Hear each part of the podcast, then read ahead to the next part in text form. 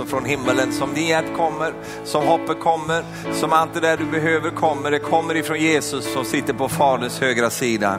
Och vi bara förväntar oss Herre, att du skulle få göra det där Herre i våra liv som eh, eh bara eh, förändrar och förvandlar och lyfter Herre. Vi tackar dig Herre för att den här veckan skulle få vara en, eh, en, en förändringsplats Herre, en förvandlingsplats Jesus. Vi ber om det Herre. Vi ber att du skulle vara här mitt ibland oss Herre och göra det det som du är så bra på Herre. Mirakler Herre. Vi tackar dig Gud för det. Tack för frälsningsunder. Tack Herre för eh, upprättelser. Tack Jesus för, för eh, sy, syn igen Herre. Tack Herre för att eh, olja kommer tillbaka i våra liv Herre. Vi tackar dig Gud att det skulle få bli en sån vecka Herre.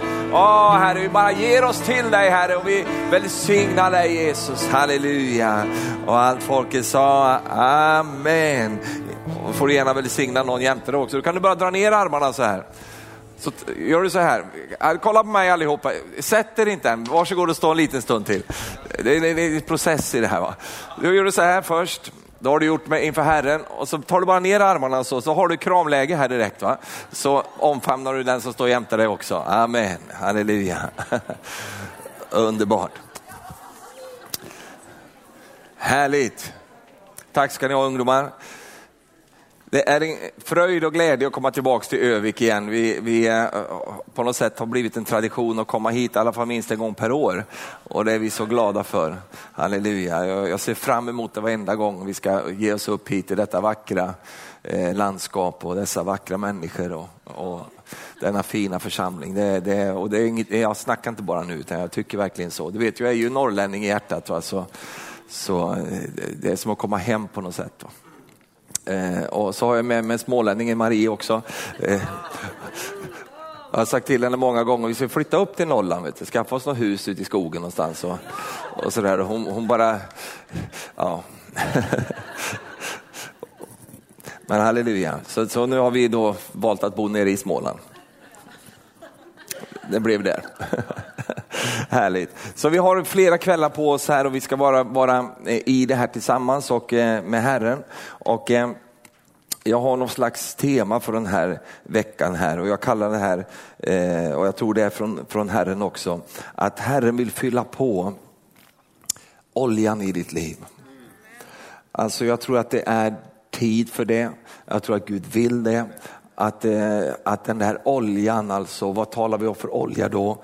Den helige andes olja. Han som gör skillnaden, han som gör att det, det liksom eh, fungerar i livets maskineri.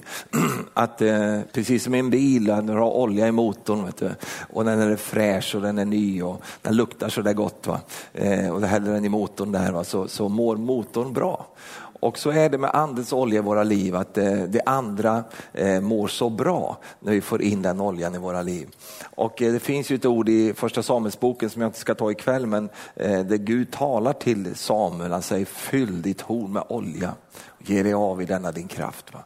Eh, och finn David och smörj in honom och gå in i en ny tid. Eh, för att det är inte över på något sätt utan det är en, eh, en, en ska vi säga, korsning kanske, men det är absolut inte över. Det är inte över förrän Gud säger att det är över. Det fick jag till bra för det har andra sagt också. Ja, men det är så. Det är inte över förrän Gud säger att det är över. Och du är inte hemma förrän Gud säger att du är hemma. Du är inte färdig förrän Gud säger att du är färdig. Alltså, din kropp kan säga nu känns det färdigt här och din fru kan säga till dig du ser helt färdig ut. Eh, och det kan vara mycket sånt där runt omkring oss. Och ekonomi kan säga det blir inget mer nu. Och, eh, tiden kan hålla på och säga sånt där. Men Gud säger inte det. Han säger att du är färdig när jag säger att du är färdig. Halleluja. Och därför finns det ytterligare en vägsträcka och eh, där behöver vi ny olja för att kunna gå den vägen med Gud. Kan du säga amen till detta? Amen. Halleluja. Så det är lite eh, som jag tror Herren ska eh, göra under de här dagarna och det är spännande att följa den processen tillsammans med Gud och få lämna över det jobbet åt Herren. Det är han som sköter det. Men vi, vi predikar och Herren får stadfästa. Det står så här i Jesaja kapitel 61 och vers 1. Så bara öppna upp med det. Eh, så står det så här i kända ord för dig säkert och, från flesta utav er, men Det är härligt att läsa det från eh, Jesaja därför att vi vet ju att Jesus själv tar upp det här sammanhanget och eh, drar in det i realtid och säger att idag är det här skriftens ord fullbordat. Så han plockar in det här och vi kommer till det. Men det står så här, Herrens, Herrens ande är över mig. Vågar du säga det om ditt liv? Att Herrens ande är över dig. Halleluja. Det är vad du har rätt i genom Jesus att få säga, att Herrens, Herrens ande är över mig. Halleluja. Det gäller både personligt och det gäller också tillsammans som, som eh, menighet. Du vet att jag är mycket i Norge, samma som församling. Att eh, eh, Herrens ande är över oss. Halleluja. Amen. Herren sa till mig, Stefan du får vara lite mer frimodig och säga det också, eh, att Herrens ande är faktiskt över dig. Så det är inte bara vanlig föreläsning du har här nu, utan det är en, en ande som är över dig till att göra någonting i de här mötena som vi har. Nämligen till att han har smort mig till att predika glädjens budskap för de fattiga eller för de ödmjuka. Amen. Han har sänt mig till att förbinda dem som har ett förkrossat hjärta till att ropa ut frihet för de fångna och befrielse för de bundna. Vad är Herrens ande över dig till att göra? Precis det här. Vad är Herrens ande över oss i den här veckan, eh, vad vi ska få vara med om? Det är just detta att det finns en förkunnelse som har med att eh, förmedla glädjens budskap till de hopplösa, till de eh, fattiga, till de som är, har brist på detta. Det finns ett glädjens budskap eh, och det är vi smorda att predika. Och det finns en, eh, en förbindande kraft genom den heliga ande till att läka de som har ett förkrossat hjärta de som är förkrossade. Det är många som är förkrossade nu och, och, det är mycket sorg och det är många olika saker. Vi möter det hela tiden och det gör vi inte bara nu utan genom eh, att vi möter sargade människor, för det är vår kallelse, så, så, möter vi dem och då finns det ju löften från ordet att det finns en smörjelse. Det finns en närvaro av Gud som eh, ger förmågan att förbinda de som har förkrossade hjärtan. Och har du det min vän så är du på rätt ställe, du är på rätt möten här och du ska få känna att du ska få den där eh, läkedomen på insidan, vad det nu än behövs. Och att ropa ut frihet för de fångna. Amen. Halleluja. Släpp fångarna loss, det är Amen. Det är ju, det är ju inte bara profetiskt, va? Det, är ju, det är ju vår också. Amen. Och det är vad Herren har sagt att det är det vi kallade att göra, ropa ut frihet för de fångna, befrielse för de bundna, till att predika ett nådens år från Herren. Amen. Är inte det underbart då? Det kunde ha stått något annat där, men ett nådens år från Herren. Och en hämndens dag från vår Gud. Vad står det för då? Jo, det står för att gräsbitarna, gräsknagarna, det är det som har käkat upp saker i ditt liv, att Herren ska ta hämnd på de grejerna i ditt liv, halleluja. Så att jag kan återställa balansen i ditt liv. Och till att också trösta alla sörjande. Amen. Vad är Herrens ande över oss för att det ska ske? Jo, att vi ska få vara med om att tröst kommer till de sörjande. För att låta de sörjande i Sion få huvudprydnad istället för aska. Glädjens olja. Vi sa att olja är på väg va? Eh, och det är en glädjens olja som kommer i våra liv. Istället för sorg. Amen. Lovprisningens klädnad istället för en modfälld ande. Och de ska få kallas rättfärdighetens terebinter, planterad av Herren till hans förhärligande ska bygga upp de gamla ruinerna, upprätta tidigare ödelagda platser. De ska återbygga upp de ödelagda städerna, platser som har legat öde släkte efter släkte. De sakerna är svåra att göra utan olja. Vers 4 kommer sen. Vi ska, vi ska gå igenom vers 1, 2, 3 och eh, Herren får uppleva, eller du får uppleva att Herren eh, möter dig till din invärtes människa och, och bekläder dig med ny kraft och ny styrka så att du kan vara med om att, att bygga upp de gamla ruinerna, återerövra eh, saker och ting och, och få tillbaks den här pionjärandan som, som du kanske på något sätt, liksom, det kanske har blivit lite sargat, det är buckligt och dant i, i, i sköldarna och det är liksom eh, alla möjliga grejer som kanske eh, Eh, är lite trasigt, då, då säger Herren, låt mig få ta hand om dig ett tag, som han sa i Jönssonligan. låt mig få ta hand om dig. Ja. och, och det, säger Herren nu till dig, låt mig få ta hand om dig. Jag ska färdigställa dig och när, när jag har liksom lagat ihop det hela och reparerat det hela så ska jag hälla in i olja i dig så att du kan gå fint framåt i en ny tid tillsammans med mig. Kan du inte säga amen till detta? Det här är vad Gud vill tror jag den här veckan och det sätter vi siktet på tillsammans. Amen. Så jag tror att du ska känna att det blir en vederkvickelse och en, en verklig liksom, eh, härlig, härlig vecka här som Herren får göra sina underbara saker. Nya kläder på gång. Visst är det skönt att köpa lite nya kläder ibland? Och alla män sa?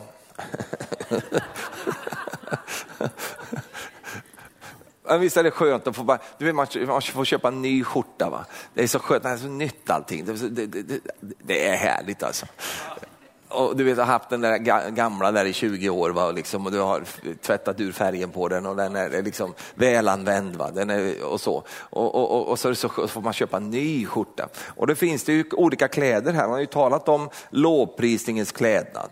Eh, och eh, sen på en annan översättning står det eh, alltså att istället för att ha sorgens kläder på sig, eller modfälld ande står det här. Alltså att vi ska få uppleva att vi får gå in i nya kläder. Va? Halleluja, amen. Du kan inte köpa de här kläderna på Dressman. Vet du. Jag har letat efter dem där men de finns inte. Vet du. De här kläderna kan du inte ens köpa, de måste du få. Och du får dem från Gud. Va? När han ger dig nya kläder det är för att det är tid för de kläderna. Kläderna representerar en ny tid. Du plockar på dig vårkläderna nu och du köper vårjackor och grejer va? för att det signalerar du går in i en ny tid här med, med en ny säsong. Och så är det också i livet att man får ibland kliva in i nya kläder och de där kläderna passar den tid som man ska leva i. Halleluja. Amen. Ska inte dröja kvar i de gamla kläderna när det är nya kläder på gång utan eh, ta emot dem ifrån Herren. Låt honom ge dessa till dig. Och eh, det är ju underbart att de heter lovprisningens klädnad. Det är så underbart. Vad har du för kläder på dig idag? Ja, lovprisningens klädnad. Vad har du fått tag på dem? Och så gör du bara så här. Amen. Kan vi köra våra tricks här nu tillsammans? Gör bara så här lite grann. Halleluja. Hur kan du vara så glad? Hur kommer det sig att du är så hoppfull? Mm. Du behöver inte göra mer än det där. Vet du. Alla fattar det här. Vet du. När någon kommer och frågar dig, hur kommer det sig liksom att det är frid i ditt liv? Ja, du bara gör så. Vet du. Det är ett kanonvittnesbörd. Det kommer från honom. Amen. Allt sammans. Halleluja. Så vi ser att eh, det här bibelsammanhanget då, det är ju Jesus själv som använder det i Lukas 4. Vi kan gå dit om du vill, följa med mig. Eh, I Lukas 4 plockar Jesus upp de här eh, orden här. Och jag vill landa här ikväll just i honom och tala utifrån vem han är och förutsättningarna som finns i honom. Då står det så här i vers 14, i andens kraft vänder han tillbaka. Jag älskar just det där, halleluja.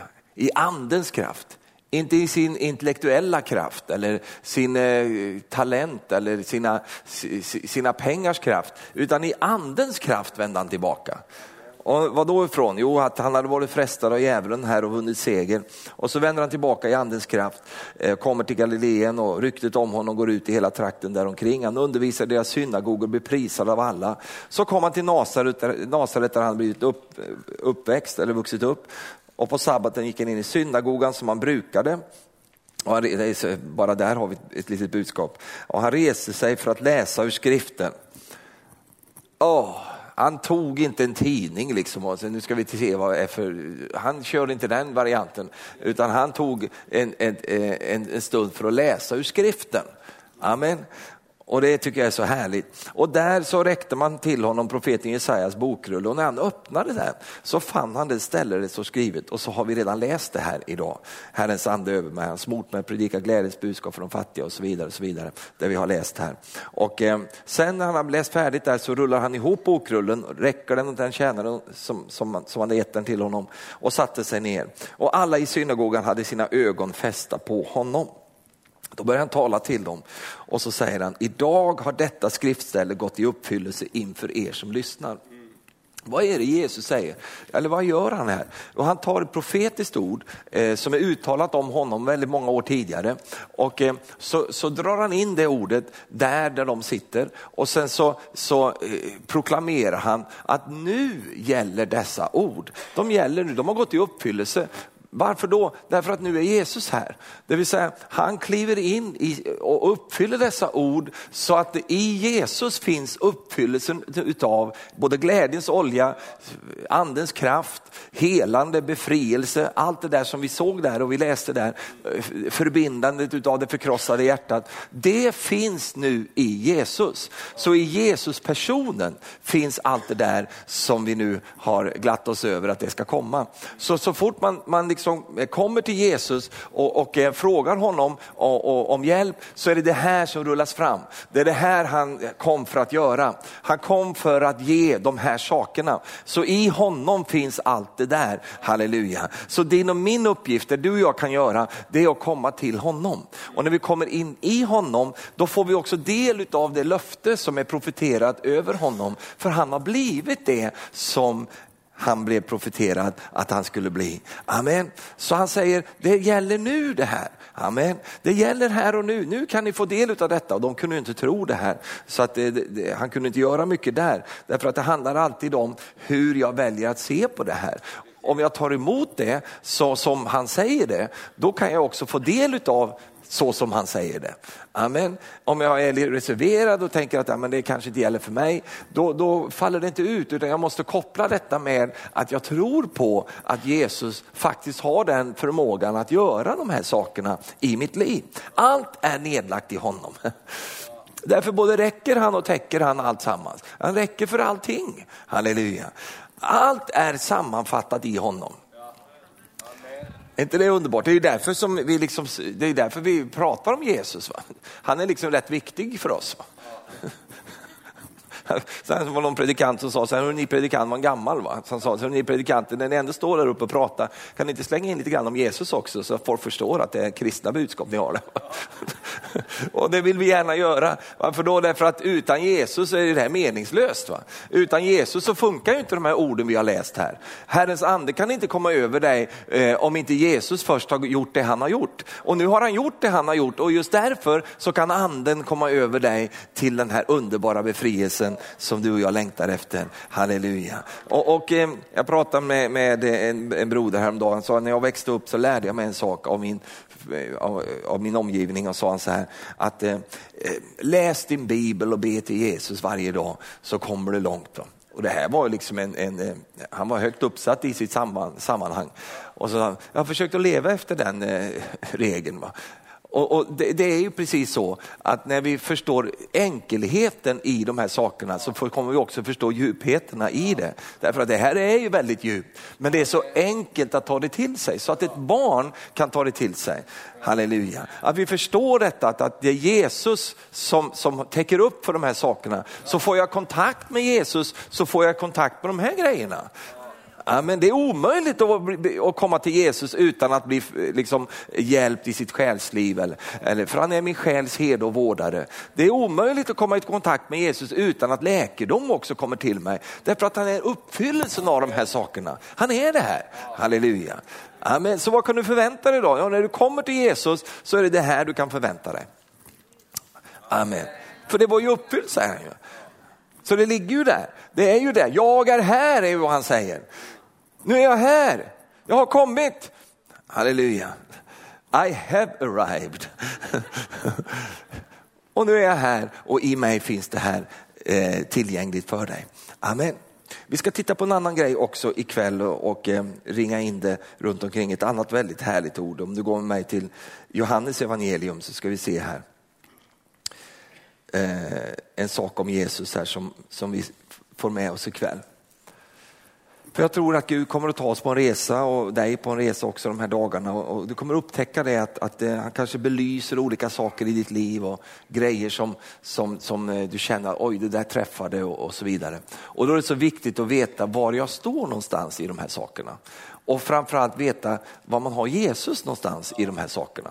För om du inte vet och är trygg på det, då blir det ganska eh, besvärligt för oss eh, att liksom närma oss honom eh, som den han är. Och det är därför som det är så skönt att veta både vem han är, vad han kom för att göra och också hur han ser på dig och mig. Och eh, det står ett väldigt härligt ord här i vers 29 i eh, Johannes evangelium kapitel 1, om du följer med mig dit.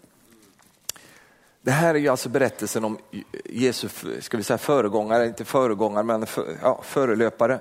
Han skulle ju ställa saker till rätta och, och, och, och rydda liksom väg för Herren. Johannes döparen, han uppträdde ju som en, en Herrens profet och hela Israel kom ut och döpte sig i Jordan. Och även Jesus kom ut och döpte sig. Och eh, den första gången Johannes döparen såg Jesus så kom ju Jesus gående där och så står det så här i vers 29. Nästa dag såg han Jesus komma och han sa, se Guds lamm som tar bort världens synd. Nu är du och jag så vana att läsa Bibeln så vi tänker inte på vad egentligen som sägs här. Va? Det här liksom rinner förbi oss i vår bibelläsningsplan kanske. Men, men om vi stannar upp en liten stund, vad säger du Johannes? Kallar du Jesus för ett djur? Va? Se Guds lam som tar bort världens synd. Jag, jag, tror nog inte att det blev så jätte, jag, jag, vet ju inte det, men, men jag kan inbilla mig att det var kanske inte att just det här med, med lamm och, och, och så vidare som rea, jo, skapade en reaktion där. Utan det var just detta att Jesus fick det över sig, att han är Guds lamm. Alla som var runt omkring där, de visste mycket väl vad det här liksom stod för, därför att alla förstod det här med lammtanken alla fattade, de var judar, så de, de levde ju i den här offerverkligheten där man eh, offrade eh, lamm bland annat, eh, oskyldiga lamm till att eh, sona för synd. Va? Det hade man gjort i tusentals år och det var, ingen, eh, det, det, var inget ovanligt. Det fanns inte en familj som inte kände till det. Barnen förstod det här för de hade sett pappa eh, ta fram eh, de här fina lammen och eh, bära fram dem till prästen och, eh, och, och, de skulle offras till försoning för synder. Så, så så det var ingen eh, nyhet på det sättet och eh, eh, inte heller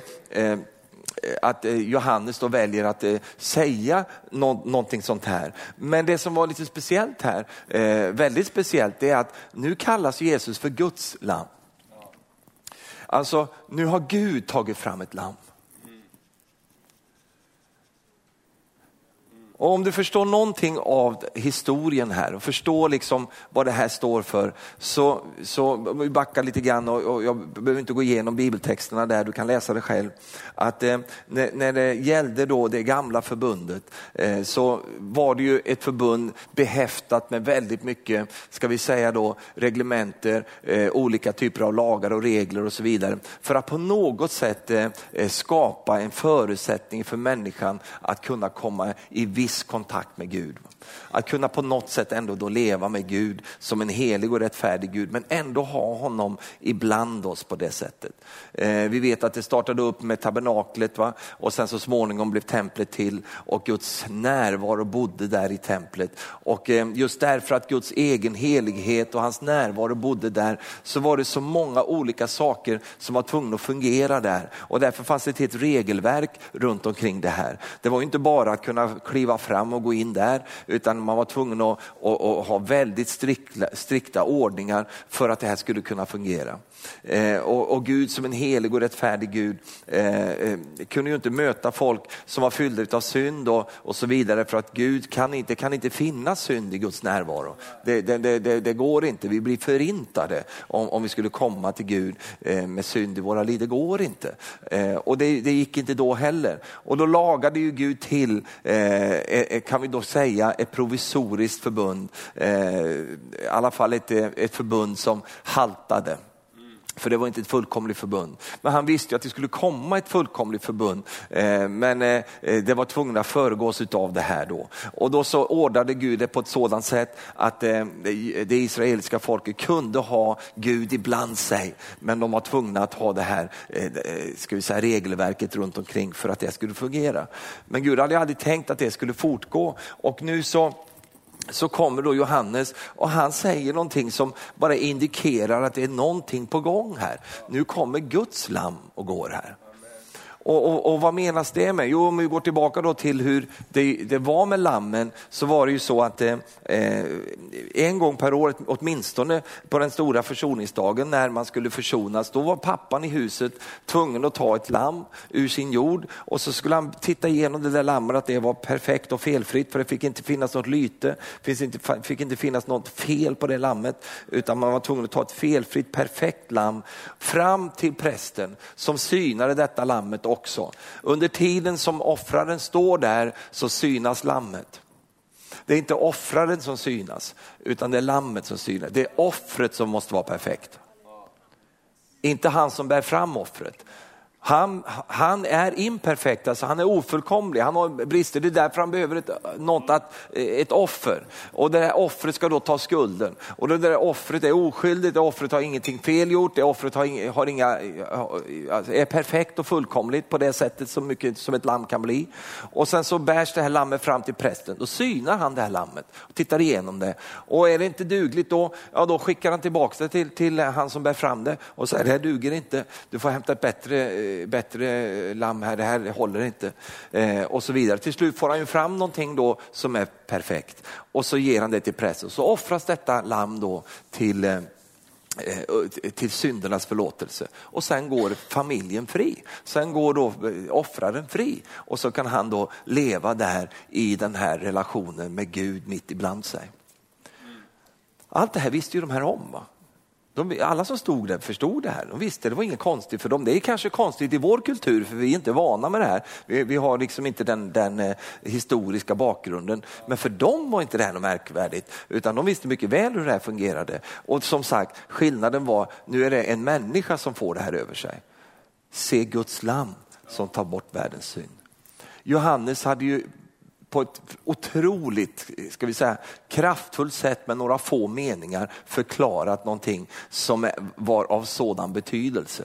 Att nu så ska någonting ske här som aldrig har skett förut. Och nu ska Guds offerlam göra precis det som de här lammen som vi har offrat här. Nu ska Guds offerlam ta bort världens synd. Halleluja. Amen. Nästa dag ser han honom igen och då säger han, se Guds lamm, säger han. Han kallar honom inte vid namn ens. Han säger, du är Guds lam och du ska ta bort världens synd. Här har vi Jesus. Det här Jesus kommer in i, i, i, så säga, på arenan med sin uppgift. Vad skulle han göra? Han skulle göra precis det som Johannes sa. Han skulle ta bort världens synd. Vi ser lammet på korset när, när hans liv släcks ut, när han offras. Och där offras han för synden som du och jag har begått. Där offras han för all världens synd. Och i, i Jesus har alltså Gud försonat världen med sig själv. Och det är så intressant att läsa utifrån den, den förutsägelse som är om honom i Jesaja 53. Där det står så här att, eh, eh, vi kan bara hoppa in här, om, nu är jag så snabb att jag får upp det här direkt. Va? Nu för tiden kan man inte säga slå upp din bibel, jag ser att jag kan göra det men jag reser på många ställen så jag brukar säga slå upp din iPhone så går vi till Isaiah 53. Det, man har många typer av biblar nu för tiden. Men i Isaiah 53 så står det vers 4 här. Det var våra sjukdomar han bar, våra smärtor tog han på sig medan vi höll honom för att hemsökt, slagen av Gud och pinad. Han var genomborrad för våra överträdelsers skull, slagen för våra missgärningars skull. Straffet var lagt på honom för att vi skulle få frid och genom hans sår är vi helade. Vi gick alla vilse som får, var och en gick sin egen väg. Men all vår skuld la Herren på honom.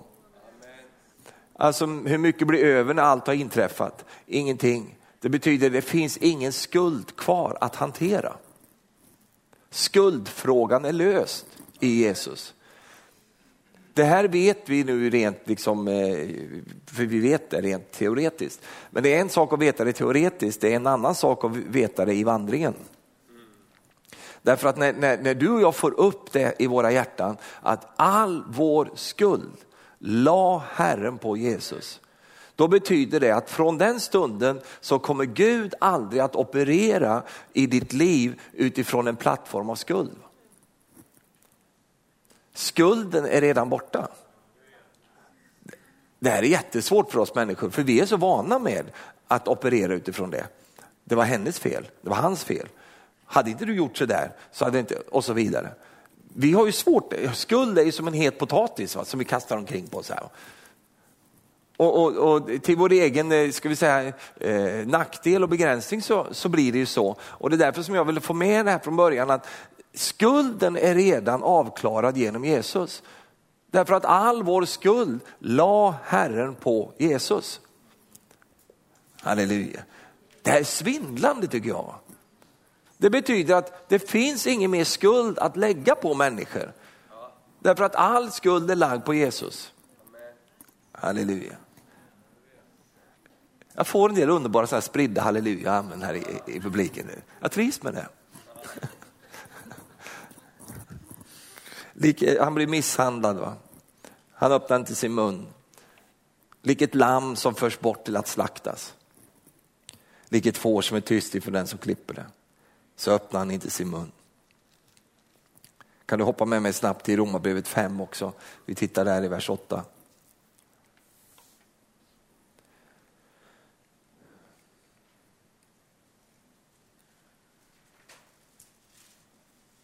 Gud bevisar sin kärlek till oss genom att Kristus dog i vårt ställe.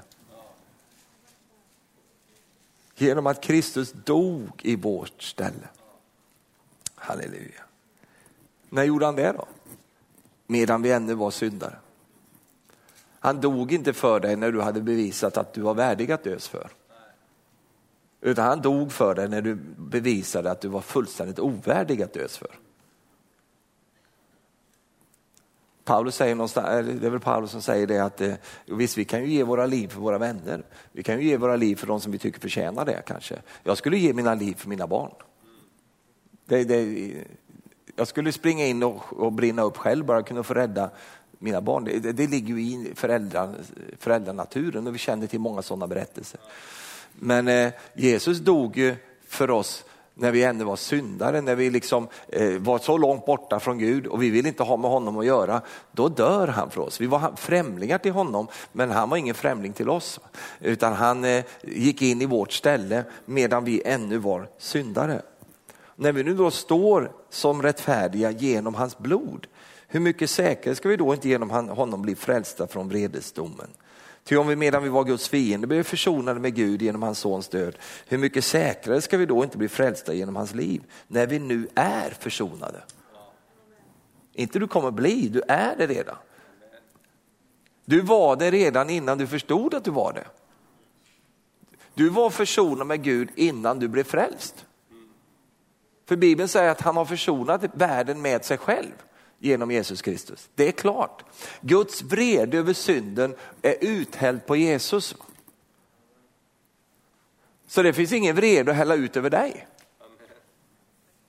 Det är ju ingen kvar. Han tömde ur sin vrede över synden för han ville inte tömma den över dig. Men någonstans var han tvungen att göra sig av med den. Och då behövde han ett felfritt eh, offer för att det skulle kunna ske. Och då klev Jesus in och blev detta offer. Och så säger han så här, Fader ta det på mig, låt det komma på mig. Jag tar det här så slipper de ta det. Och fadern själv önskade ju inte att vi skulle ta det, utan det står ju så älskade Gud världen. Så att hans kärlek till världen och människorna i världen, att han utgav sin enfödde son på det att var och en som tror på honom inte ska förgås utan ha evigt liv. Så därför så, så kom ju hans kärlek ut i praktisk handling genom att Jesus var villig att ta den platsen som du och jag rättmätigen skulle ha så tar Jesus den och så häller Gud all sin vrede över synden, allt, allt det som står fel till. Då lägger han det över på Jesus och då är han färdig med det sen. Nu när han då kommer till dig och mig så finns det ingenting av det kvar. Är du helt säker på det Stefan? Jag är helt säker. Hur kan du vara så säker på det? Jo, därför att jag tror på vad jag läser. Om det nu står så här så tror jag att, att, att, eh, att, att om, om, Jesus och Gud menar vad de säger så tror jag på det. Och om de skulle mena något annat så kunde de inte säga det som de säger. Men nu säger de de här sakerna och då menar de det och det tror jag på. Och jag är inte bara eh, eh, övertygad utifrån att jag läste utan utifrån, utan ifrån att jag har erfarit det jag har erfarit att när jag kom till Gud så fanns det ingen skuld att hantera eh, inför Fadern, utan det var redan hanterat. Och det var en upptäckt att göra wow, jag kände ju skulden men Gud kände den inte. Jag upplevde mig skuldbetyngd därför att jag visste ju mycket väl vad jag hade gjort och jag hade ett behov av att snacka med Gud om det, ta upp de här sakerna och då kändes det när jag kom till Gud och tog de här grejerna, det var bra för mig att få göra det men Gud var ju redan färdig. Hans armar var redan öppna. Han stod inte så här och väntade på vad jag hade att säga utan han stod och väntade bara. Det är bra Stefan att du säger det där, det är bra för dig själv att du får höra det där. Bra men jag är redan färdig bara så du vet så att kom kom du in. Jag, jag, jag, tycker det är så underbart när det står om Petrus, vet du. Petrus han som svek Jesus och han, han liksom förnekade Jesus och han lovade högt och höll tunt. Va? Och, och Jesus tittar på honom med kärleksfulla ögon. Petrus, alltså, eh, redan i natt så ska du ha förnekat mig tre gånger. Och Petrus han fattar ingenting. Han trodde, han trodde verkligen inte detta. Och så bara går det en liten tid och så, så ser han sig själv i uppfyllelsen av det Jesus hade sagt. Och när han gör det den tredje gången så står det att Jesus hade gått förbi platsen där, Petrus var vid tillfället, vid Kajfas palats. Och då står det när, när, när han hade sagt det där sista gången så, så möts de här ögonen. Herren tittar på Petrus. De, ser, de kan se varandra. Man kan riktigt tänka mig hur, vilka ögon, vilken blick Därför att effekten av den blicken, det var att Petrus gick ut och grät bittert i natten. När han tittade på sin mästare och han såg liksom hur han hade felat själv och, och eh, hur han hade liksom, ja, så som vi upplever oss ibland. Och så ser han Jesu blick där, de där kärleksfulla ögonen. Och sen så skiljs deras vägar. Så får han inte se Jesus mer i livet. Va? Eh, först efter uppståndelsen. Och när han, eh, eh, vi, vi, hör inte mycket om Petrus runt omkring eh, korsfästelsen och, och de sakerna. Vi, vi, liksom, vi förstår att han är där, va? Vi förstår att han, men det är liksom inget fokus på honom där. Va? Eh, och så vidare. Jag, står jag tror att han står där i en plats i hans liv som du och jag ofta står i, som gör det svårt för oss. Han stod på skammens plats.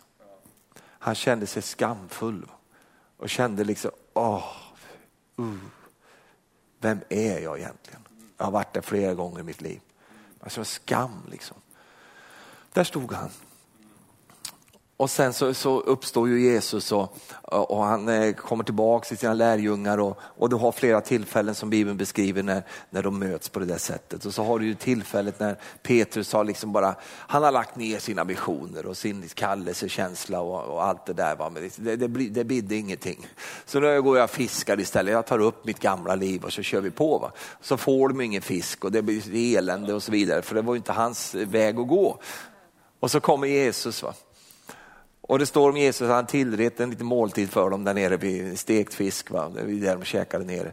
Eh, det hade ju inte jag valt, men, men, men, men Jesus körde den grejen. Va? Han nyttig. Va? Och, och, och, så. Och så, så, så, så, möts ju, och jag går inte in i alla detaljer runt det där, men de möts i alla fall Petrus och Jesus då. Och nu har ju inte Petrus fått prata med Jesus, han har inte fått tagit upp de här grejerna. Va? Utan när de möts så möts de på en ny plats i, i, deras liv. Petrus har ju gått igenom vad vi kallar för Petrusnatten. Alltså den natten som, som du också får gå igenom ibland, fast du inte heter Petrus, du heter något annat. Och det blir din natt. Och, eh, så han har ju varit igenom alla de där djupen i sig och, och hållit på med sig själv och, och så vidare. Men det behövdes en förlösning. Va? Det behövdes att han fick känna att ah, nu är jag färdig med det, jag kan få gå vidare med ditt liv och med mitt liv. Och för att kunna det var han tvungen att möta Jesus. Och så är det med dig och mig också. Vi, vi, kommer ibland i våra nätter in i de här olika grejerna, vi går igenom själens djup och vi får uppleva grejer i våra liv. Det kan ju vara saker som händer och så vidare. Men sen behöver vi ju komma eh, liksom vidare med livet och det kan vi inte göra med mindre än att vi får möta Jesus på nytt igen. Vi måste få en ny mötesplats med Jesus.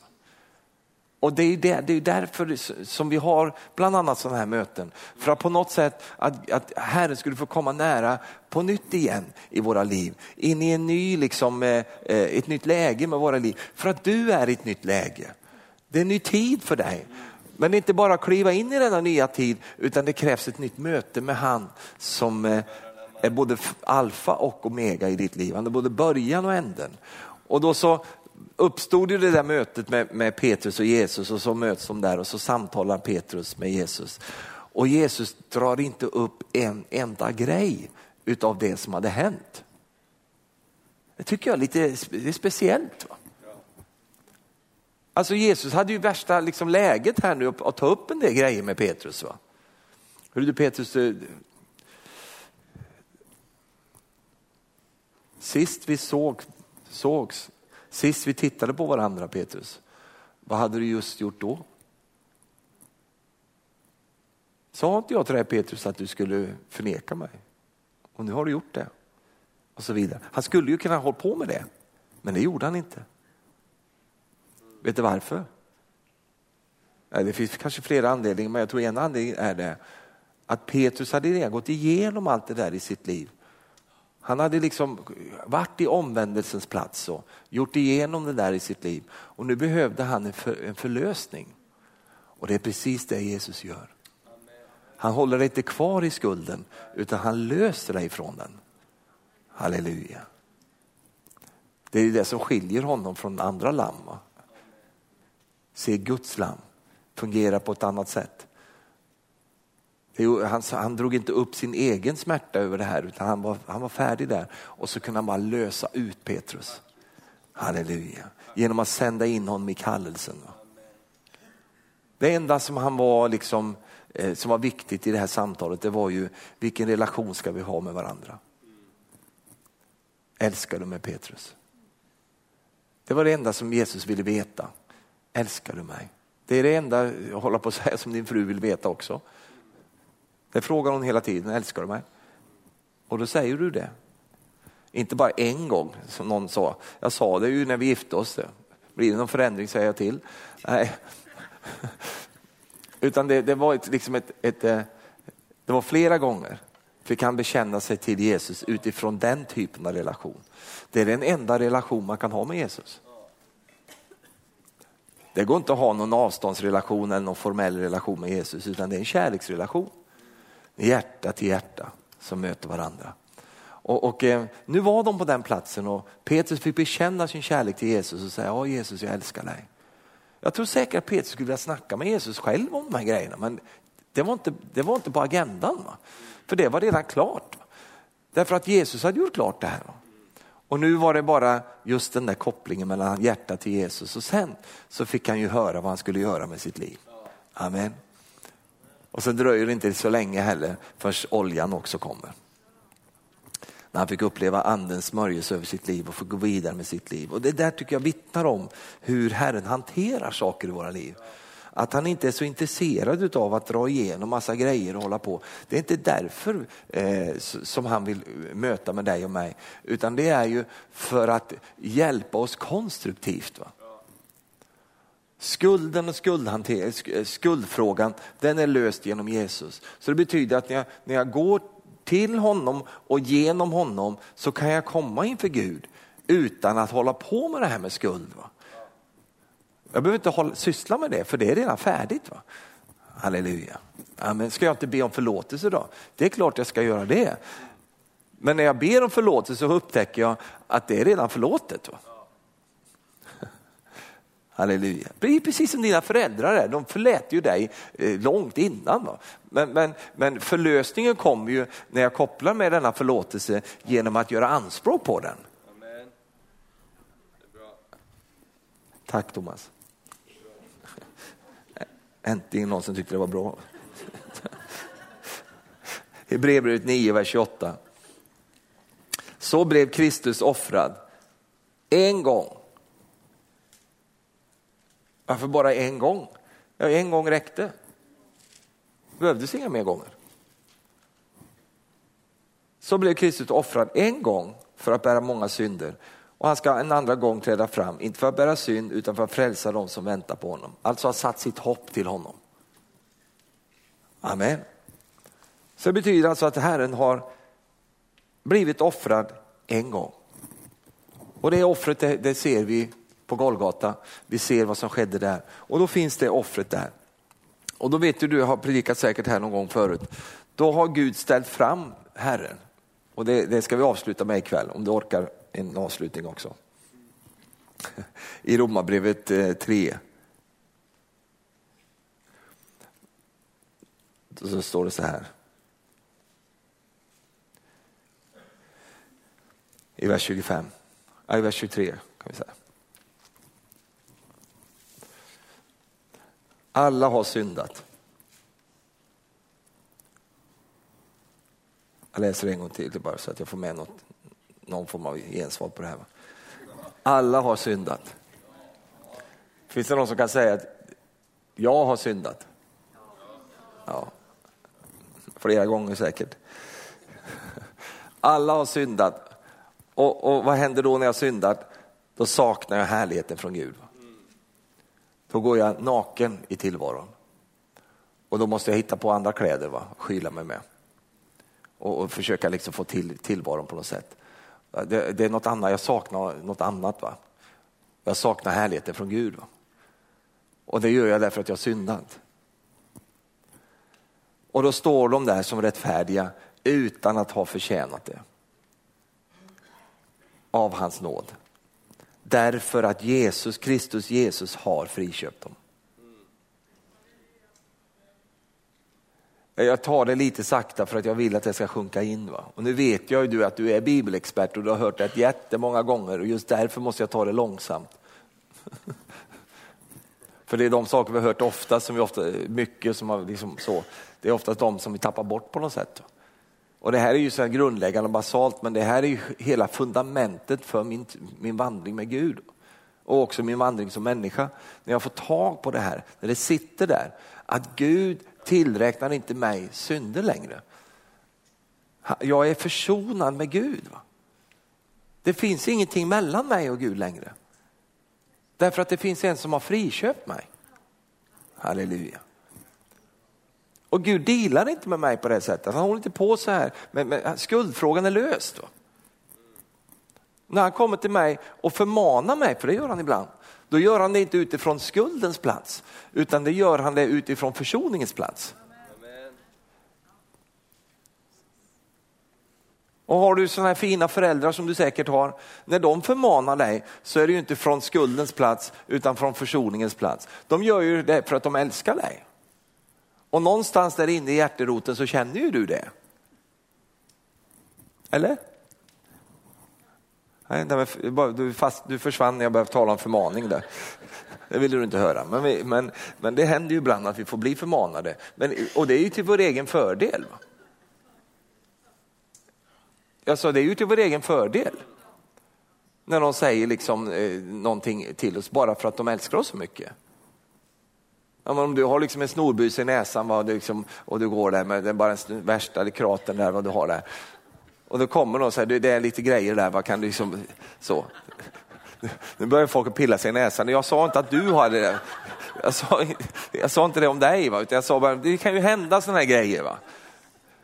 Och då är det ju kärlek, eller det står någon som hår sticker ut så här. Va? Och du, du går ut där, ser ut som Stig-Helmer när du kommer ut. Va? Så är det någon sån fin människa då som säger, mm försöker lite olika saker. Va? Det är ju, hjälper ju inte att den börjar sjunka ner i bön så här och att hoppas att det här ska försvinna. Utan kommer den personen där och bara säger, du, du, det, det lite så va. Eller skickar upp en spegel va, eller något sånt där va. Och då blir ju, i alla fall jag, jag blir glad. Va? För man känner tack och lov, va? för nu skulle jag precis in här och tala för 3000 människor här. Och det var ju så skönt att det kom en här och sa, sa det här till mig så jag kunde rätta till det där. Det är ju inte för att man är ute efter att sabba för någon, utan det är bara ren kärlek. Va? Så det kommer ju Gud att göra, men aldrig utifrån skuldens plats. För att när jag, när jag står på skuldens plats så känner jag mig alltid skyldig. Va? Jag känner mig alltid dålig. Jag känner mig alltid, liksom, det är något i, eh, och sådär. Eh, och, och det finns fördömelse där. Och utifrån den plattformen opererar inte Gud. Du kommer aldrig finna Gud på fördömelsens plats. Han finns på försoningens plats. Där står han och väntar på dig. Därför att du är ju redan försonad, friköpt av Jesus. Och när du söker i Herren så är det till den platsen du ska gå. Det finns ju en tron som kallas för nådens tron. Va? Jag menar vilken stol alltså. Det är, tron är ju stol. Det är en lite häftigare stol va, än den du har hemma hos dig. Som, så, men det är ju i alla fall en plats som, som man sitter på. Va? Om vi ska titta på, innan jag avslutar ikväll, på den här stolen också som, som det står. De står som rättfärdiga utan att ha förtjänat av hans nåd därför att Kristus Jesus har friköpt dem. Honom, vem är det? Ja, rätt svar i kyrkan är alltid Jesus, så det, kan, det blir aldrig fel om du säger Jesus, du kan säga hela tiden. Honom, vem är det? Ja, har Gud genom hans blod ställt fram som en nådastol, halleluja. Tack Jesus. Han har bara och det är ju också en historisk eh, betingad sak, nådastolen som fanns på förbundsarken som stod där ovanpå där man hällde blodet över de offrade djuren, från de offrade djuren för att betäcka lagtavlorna som var under denna nådastol, för locket på, på arken. Och där stod den här nådastolen och då så hällde man blodet där så skulle rinna ner över arken. Där i låg lagtavlorna som anklagade människorna för det de inte mötte upp till. Då, då blev den försonad försoning över allt detta. Och det är precis det Jesus, han har blivit denna nådastol som eh, genom sitt blod betäcker lagens krav i våra liv som säger att du duger inte, det räcker inte, det spelar ingen roll hur mycket du försöker, du kommer aldrig lyckas i alla fall, du kommer aldrig bli fullt godkänd. Nu har Jesus blivit denna nådastol, Gud ställde fram honom där så att det skulle bli färdigt, så att du skulle komma till en plats där du kan bli precis som det står i ordet, rätt rättfärdig, halleluja. Det betyder att du är färdig i rätten. Amen. Du är klar, det är färdigt, det finns inte längre någonting som har med det att göra, som har med skuld att göra, utan nu är du klar där, du är färdig där, halleluja. Till att tas emot genom tron. Amen. Gud har bara tagit fram honom som en nådastol och där kan du nu finna denna underbara nåd. Jesus är din nådastol. Han är den där platsen där du kan finna den där utgångspunkten för ditt liv, för din familjs liv och för din framtid. Och det är därför som det är så underbart att bara fokusera in just på honom. Därför att där då sen vecklas ju allt detta ut. Va? Han är både stol, han är väg, han är dörr. Va? Han är allt möjligt sånt här praktiskt. Va? En väg behöver vi få gå på, en dörr behöver vi för att komma igenom och så vidare. Eh, och Jesus är allt det här. Halleluja. Nu har Gud öppnat upp en ny och levande väg står det.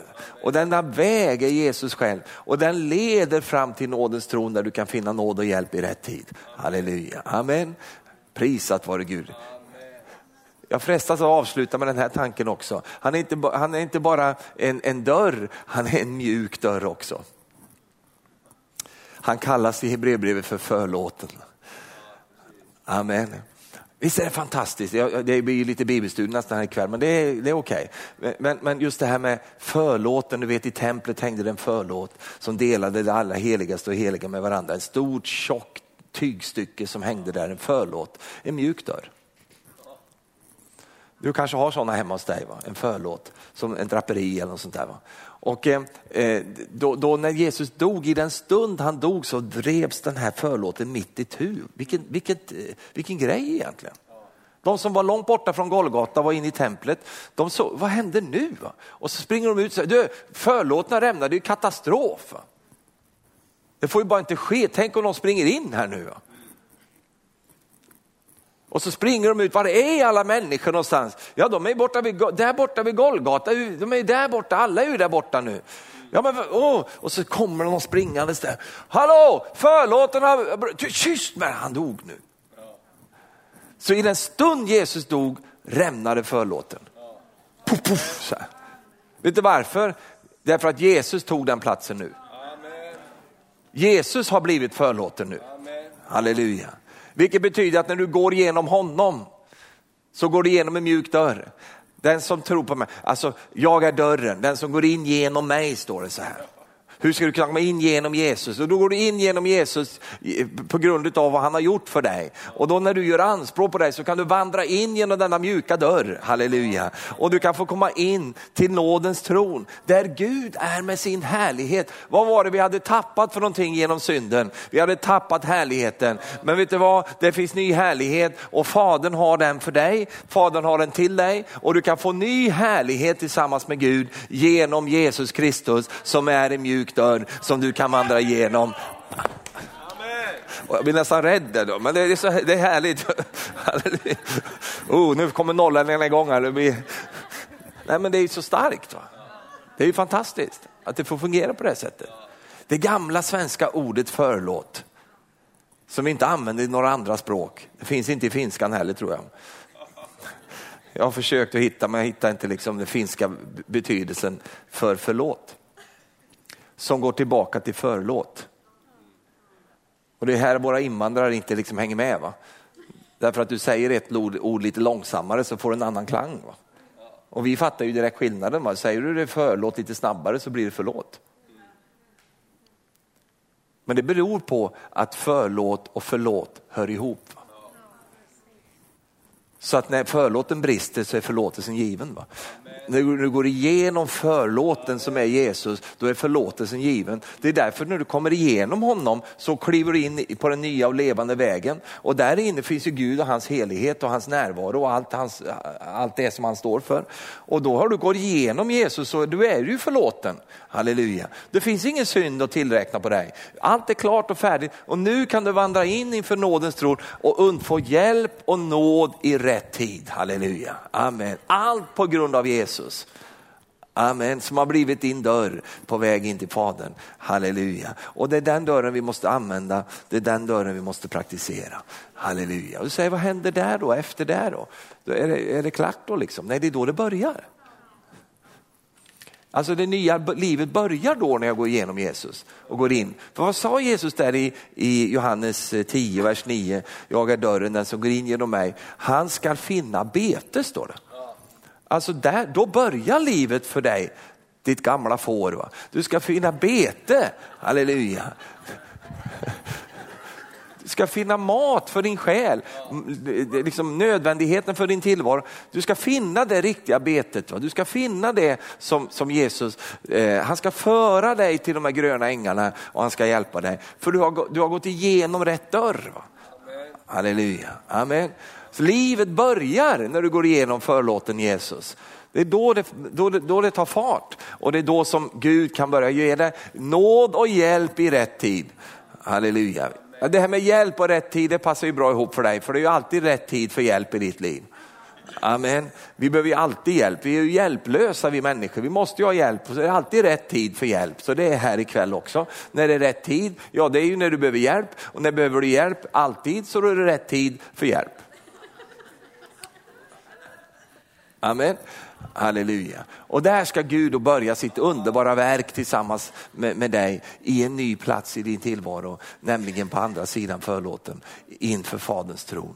Halleluja, där är du välkommen. Amen. Kommer Gud ta emot mig då? Ja då, därför att du gick igenom en förlåt. Och den förlåten är en person. Du kanske inte tror på mig riktigt här, så jag ska bara ge dig det bibelordet också, så, så, så vi är stadgade. Det står så här i brevbrevet. Jag ska bara visa det där. Och sen när vi Sen när vi klara sen Julia, då får du gå hem. Du har varit jätteduktig ikväll. Det står i Hebreerbrevet 10, vers 19 och 20. Bröder, i kraft av Jesu blod kan vi nu frimodigt gå in i alla heligaste på den nya och levande väg som han har öppnat för oss genom förlåten, det vill säga sitt kött, sin kropp alltså. Så han, han är den här förlåten och då kan vi gå in frimodigt på denna nya levande väg som han har öppnat upp för oss. Hebreerbrevet 4 och 16 också. Låt oss därför frimod gå fram till nådens tron för att få barmhärtighet, finna nåd och hjälp i rätt tid. Jag upplever att det är rätt tid nu. För barmhärtighet. Få barmhärtighet över ditt liv. Det är ju så här med oss människor att vi, ju längre vi lever ju mer uppskattar vi barmhärtigheten. För det är inte så mycket bevänt med oss människor. Det är ju, du vet ju hur vi är, bristfälliga som vi är och, och så vidare. Tänker på den här kvinnan som låg i äktenskapsbrott där på, i gruset och Jesus satte sig ner vid sidan av henne. De hade anklagat henne och de ville att hon skulle stenas. Och Jesus tittar upp på dem och säger den som är utan synd kan börja kasta nu på en gång. Det, det hörs dunsar där. Vet du. För stenar som fallit i backen. Det är ingen som kastar någon sten och det står att de gick därifrån, de äldste först. Vet du varför de gick först? De hade så mycket erfarenhet av ingen människa utan synd. Jag kan, kan inte kasta någon sten. Och till slut var det ingen kvar. Och så säger den här, Jesus tittar upp på kvinnan och de är ensamma kvar där. Och säger, har ingen dömt dig? säger Jesus. Nej, ingen har dömt mig. Inte heller jag dömer dig. Och det, det är ju, går ju som en röd tråd genom hela Jesu tjänst.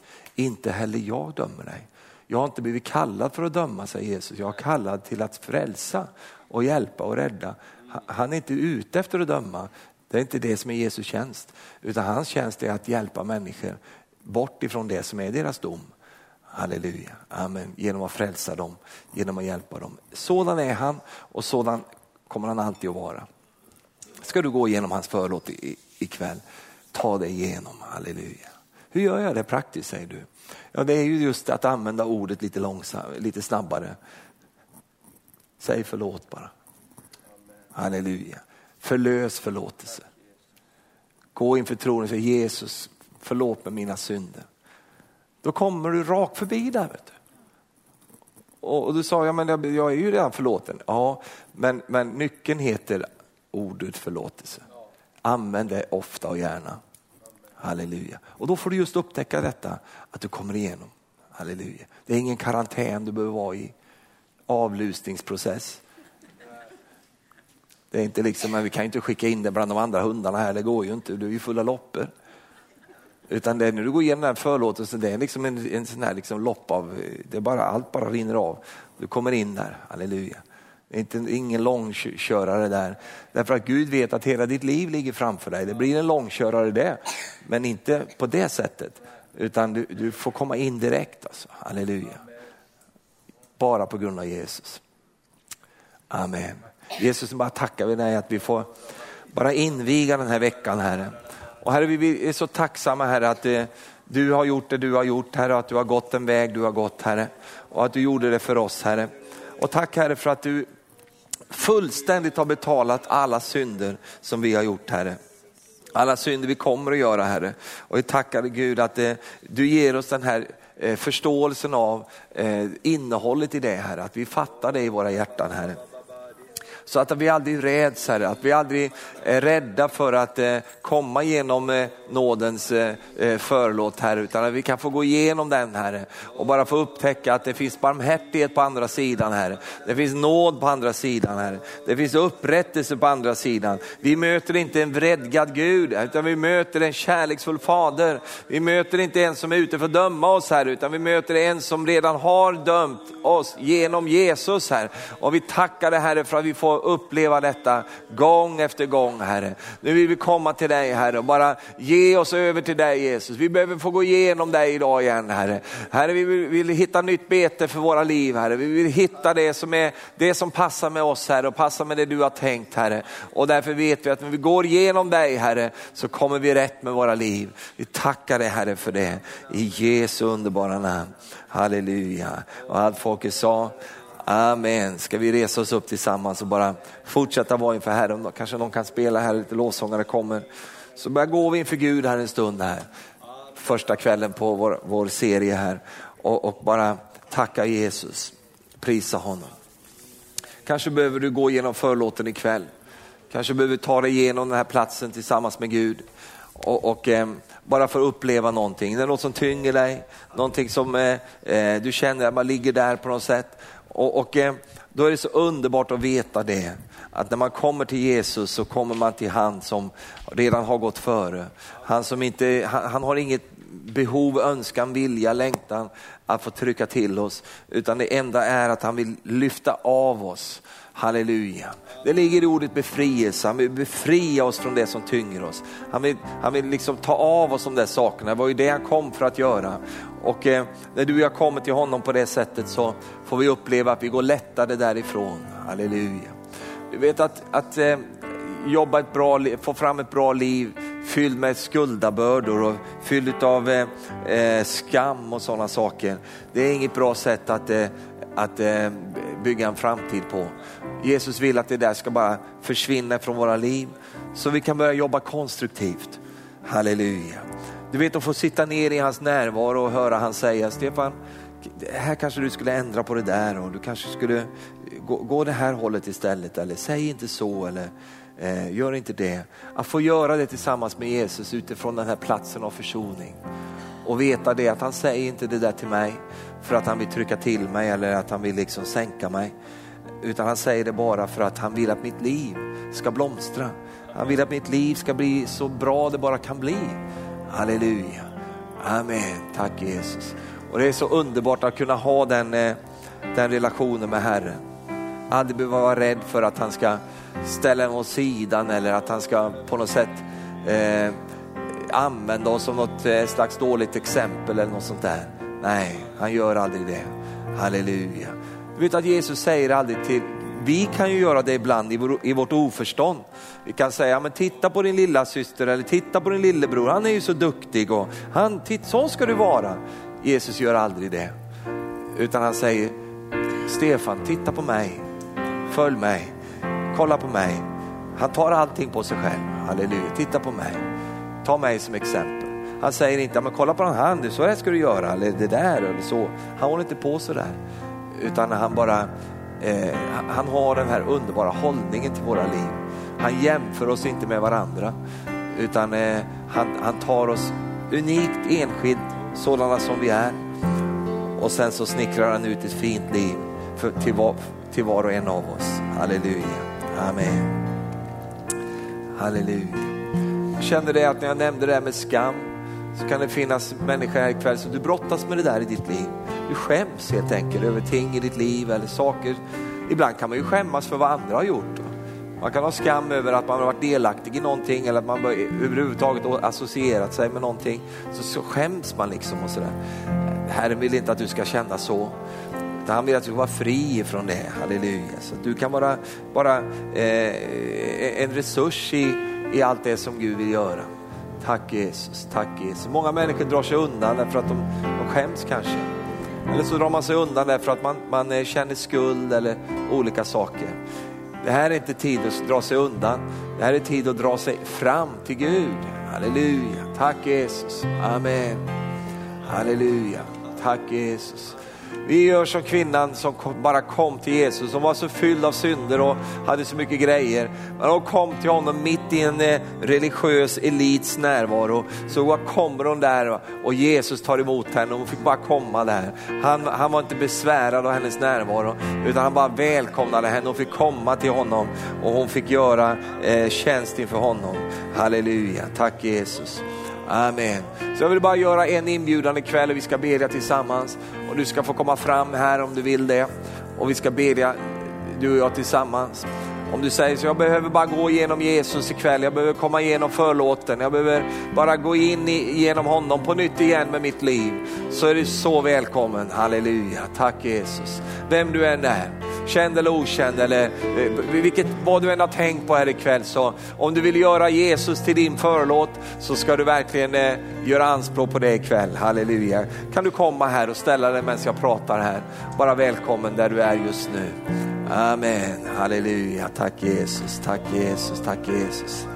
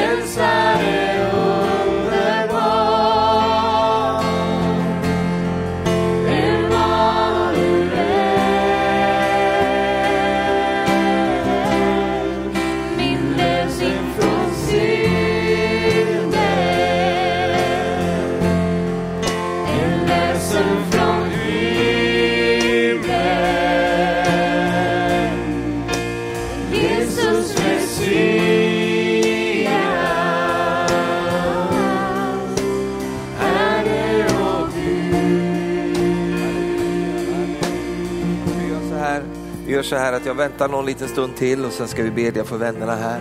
Kanske finns någon till som säger, Stefan ta med mig i det här också. Jag, jag vill gärna ansluta mig till det här ikväll. Så vi har lite tid här, vi väntar på dig. Och så, så kan du bara få komma här. Vi ska inte ta för givet att alla är vana med den här typen av respons, att man går fram i kyrkan på det här sättet. Men eh, det är så fint att kunna få göra det. Halleluja. Ja, ta de där stegen fram och bara med sin fysiska kropp bara säga, jag vill, jag, vill, jag vill göra det här.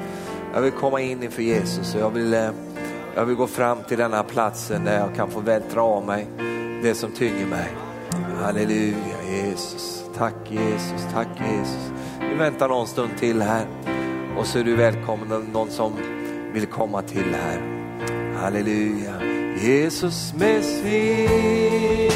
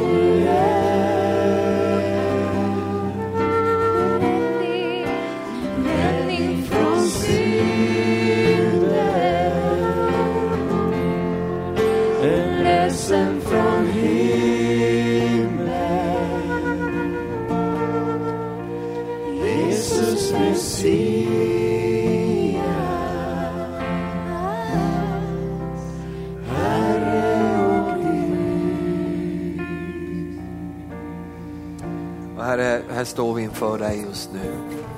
Tackar dig Herre för att vi får stå i den här nåden Herre. Vi får stå på den där platsen Herre. Och Herre vi vill vandra in genom dig Herre. In i det här livet som rättfärdiggjorda Herre. I det livet Herre där, där eh, framtiden och allt det goda som du har förberett Herre kan bli en verklighet Herre. Tackar dig för det Jesus. Halleluja ska vi bekänna tillsammans. Eh, ni som står här framme och, och eh, hela kyrkan. Vi bekänner i, i en bön tillsammans. Jag bara ber före, så ber ni efter. Kan vi be så här. Jesus, jag tackar dig att du blev Guds offerlamm. Tack för att du var villig att ta min plats. Att ta min synd, mina felsteg i mitt ställe. Så att jag kunde gå fri.